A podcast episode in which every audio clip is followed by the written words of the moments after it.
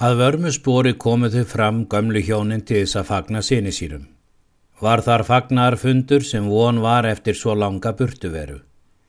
Innan skans fór Helgi að líta yfir stofuna eins og hann væri að leita einhverju og mælti síðan.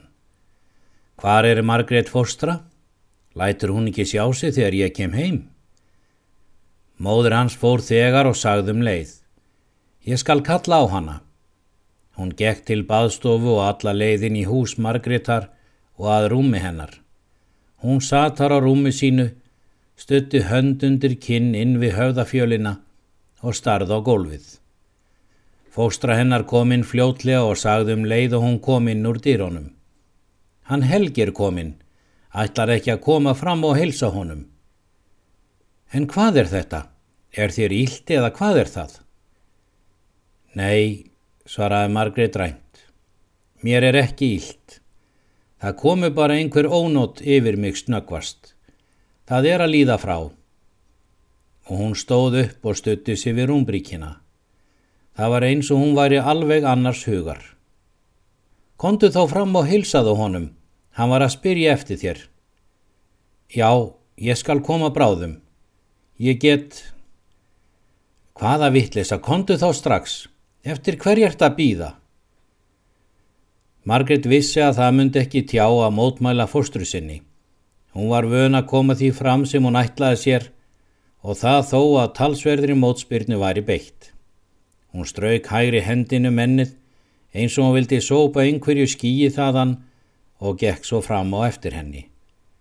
Hún sá að það varð ekki hjá því komist að hún sæi hann og hitti og var þá sama hvenar það var. Best að það væri fleiri við en þau hittust ekki einn. Þegar hún kom inn í stofuna nam hún staðar framöndur dyrum og horði til jarðar. Helgi stóð upp, gekk til hennar og heilsaði henni með korsi. Henni fannst eins og kaldur hrodlur færi um sig.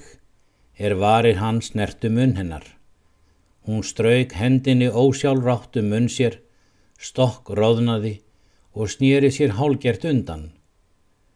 Síðan hvenar ertu orðin svona feimin manga? sagði Helgi hál hlæjandi. Þú þorir ekki að líta upp þegar ég er komin. Ég veit það ekki. Ég er við svona gerð, svaraði hún hál látt og leitum leið snöggvast upp á hann, en leit óðara af honum aftur. Hann starði á hann og henni fannst kuldin úr augum hans ganga í gegnum sig eins og ístöngull. Hún óskaði sér eitthvað langt langt í burt. En Helgi virti skilja þetta fát og þessa feimni og lítabrigði hennar nokkuð og annan veg. Honum fannst hann hafa komið og sigrað. Hann bráð því á glens við hann og sagði brosandi. Það er eins og ég hafi komið blóðinu eitthvað á reyfingu. Það er góður vottur fyrir mig. Og hann hló við og gekk til sæti síns aftur. Margret gekk til dýrana út.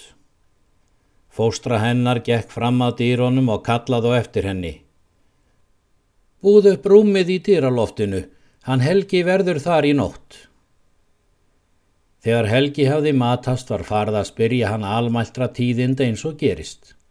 Var hann látin segja sögu sína, síðan hann fór söður til þess að leita sér fjár á framum vorið fyrir rúmum þrem árum og hafði þegar bæði fyrir hefni sína og hyggjindi komist undir handarjaðar biskups og höfuðsmanns. Hann var röskur og ötull til ferðalaga og áræðanlegur með að reka þau erindi sem honum voru á hendur falinn og fylgin sér og ókvalráður, hvað sem fyrir hendi var. Hann fór hvað eftir annað erinda þeirra bestastaðamanna, bæði vestur í dali og austur í síslur. Við þetta sannfærðist hann skjótt um að sá síður var betri sem þeir höfðu en hinn gamli síður er hann hafi vanist. Engum var hann stórum betri til fjefanga og strángleiki allur um siðferði og breytni manna var miklu mun minni. Hann sannfarði skjóttum það að allar myndir helgra manna og dýrkun þeirra væri skurgoða dýrkun einn og annað ekki og þessi hugsun greip hann með þeim ofsa og ákafa sem lund hans var til. Hann skildi það ekki fremur en aðri síðbóta menn að í og með myndunum fyldi heilög hugssjón og þess vegna varð að taka á því mjúkum höndum, þegar átt að færa mönnum heim sanninum það, að það var í Guð og Jésús Kristur einn sem ætti að tilbyðja og engan annan. En öll lotning fyrir myndum og tilbeisla Marju megar á Þorláks og allra helgra manna væri hégum og einn og hinn svartasti heiðin dómur og að hver sá sem tilbæði helga menn þjónaði djöflinum og væri ofurseldur eilífri glötun. Því að svo mikill munur væri á henni einu sáluhjálplegu lútersku trú og villulæri dómum páans eins og himnaríki og helvíti. Hann fór að hata hinn gamla sið. Hann sannfærðist um það að það væri hinn versta óhæfa að kirkjur og klaustur ættu eignir, jarðir og dýrgripi. Allt slíkt væri best komið í höndum kongsins og því fyrr sem þessi katólska óhæfa væri flæmd út úr landinu, því betra væri það fyrir þjóðina. Þetta var kenning sem ómaði daglega hjá æðri sem lægri af þeim sem síðbótinni fyldu. Það voru fáir sem fyldu henni þá fyrst af innri trúarþörf, fleiri, miklu fleiri, sem gengust fyrir öðru, hagsmunum að fylgi við danska valdið og fjárrán þau er það hafði frammi. Og svo kom mörgum vel los það og slöknun sem varð á allri gæslu og siðferði manna og breytni í landinu þá um stundar sakir. Helgi leist úr spurningum foreldra sinna og bróður eftir því sem honum síndist og let mikið yfir hilli þeirri sem hann væri í hjá bestastaðamannum. Síðan gekk hann til kvildar. Morgunin eftir var farð að spyrja hann hverra erinda hann færi því að hann hafði þegar um kvöldi látið á sér skilja að hann færi ekki nema snöggva ferð norður að þessu sinni. Hvaðst hann hafa rétt fyrir náð fengi að skreppa norður að hofstöðum og þar í skagafjörðin til þess að hitta foreldra sína og gamla kunningja. Mundi hann ekki dveljast þar í fyrðinum lengur en sem svaraði hálfu mánuði í lengsta lægi. En ef til vildi kynni hann svo að koma aftur í haust, eða þá jafnvel ekki fyrir með vorinu, og setjast á aðþar nýrdra ef hann fengi eitthvert starf að hafa á hendi sem sér líkaði. En skildi Jón Biskup ætla sér að halda áfram að þrjóskast á móti skipunum kongsins og neyta hlýða bóðum hans? Er þér nokkuð kunnugt um það, fadur minn? saði Helgi og kom slæðar svipur í augun. Ekki er mér kunnugt um það, svaraði fadur hans drænt. Ég er ekki ráðunautur hans í þessum ófriði og held mér alltaf nær þeirri hliðinni sem friðurinn er.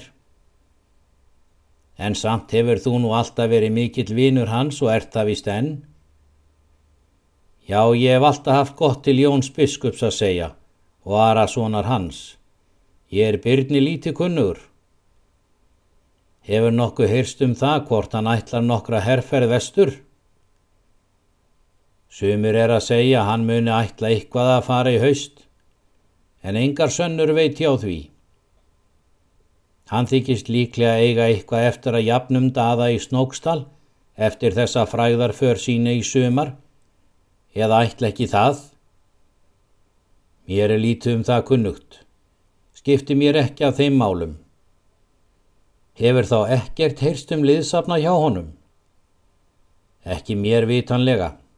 Ég higgan muni heldur halda sig heima þessu sinni. Máski hann ætla að býða átekta. Hefur hann ekki sett upp heilmikla vikirðingu þar heima hólum? Virki hefur hann vist byggtar og ætla sér líklega að reyna að verja staðan ef á hann verður sótt. Það mun vera mikið fjö samankomið á hólum. Þeir eru ríkir feðgar. Meir en ríkir, en það fjö er nú ekki allt fengið með réttu. Já, engan dómleggi á það, en það mun þá víðar vera svo. Það higgi satt vera. Kirkna og klaustra eignir eru flestar teknar með ráni og ættu því allar að komast til réttra eigenda og svo mun líka vera um þeirra eignir, feðgana og margra fleiri. Það myndi nú hætt við verða erfitt að finna réttan eiganda að þeim eignum sumum sem þegar hafa fyllt kirkjum og klaustrum um mörg hundruð ár, hvað sem hínum líður. Það er alltaf hægt að finna réttan eiganda að því sem ránkvengið er, Helgi glotti við, en hvena skildi Jón Biskup ætla ríða vestur? En geirmundur létt ekki taka sig ofurum. Ég hef ekki heyrt um neina vesturferð talað, svaraði hann eins og ekkert væri. Það væri líka óhyggilegt, því að þeir munu vera smekir þar vestra og sitja þar alltaf með liðsöfnu fyrir. Smekir, ætli nú það, svaraði Helgi háslega. Óhætt myndi biskupi að fara vestur fyrir það, að þóra munu þeir að horfa framann í hann ef hann kemur, en liðsöfnu hafa þeir þar ekki. Það má ég fullir það. Hvort sem þeir feðgar rættu þetta má lengur eða skemur, fór Helgi jafn nær frá föður sínum. Hvorugur trúði öðrum. Föður hans grunaði að aðal erindi Helga Norður hefði ekki verið kynnisverð, heldur það að njóstna um þar nyrðra. En Helgi fann að all fast var fyrir þar sem fadur hans var og ekki gott að vita af orðum hans hvort að vissi nokkuðum fyrrætlanir þeirra feðgeð ekki.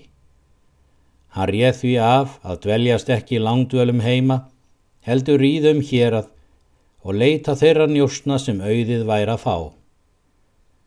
Hann leti Margretu óareitt í þetta sinn og ásetti sér að fresta viðtali við hana þanga til hann kæmi aftur.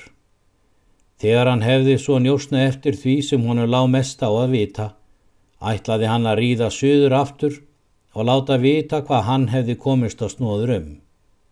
Svo var allt í gardin búið. Dægin eftir reið hann af stað.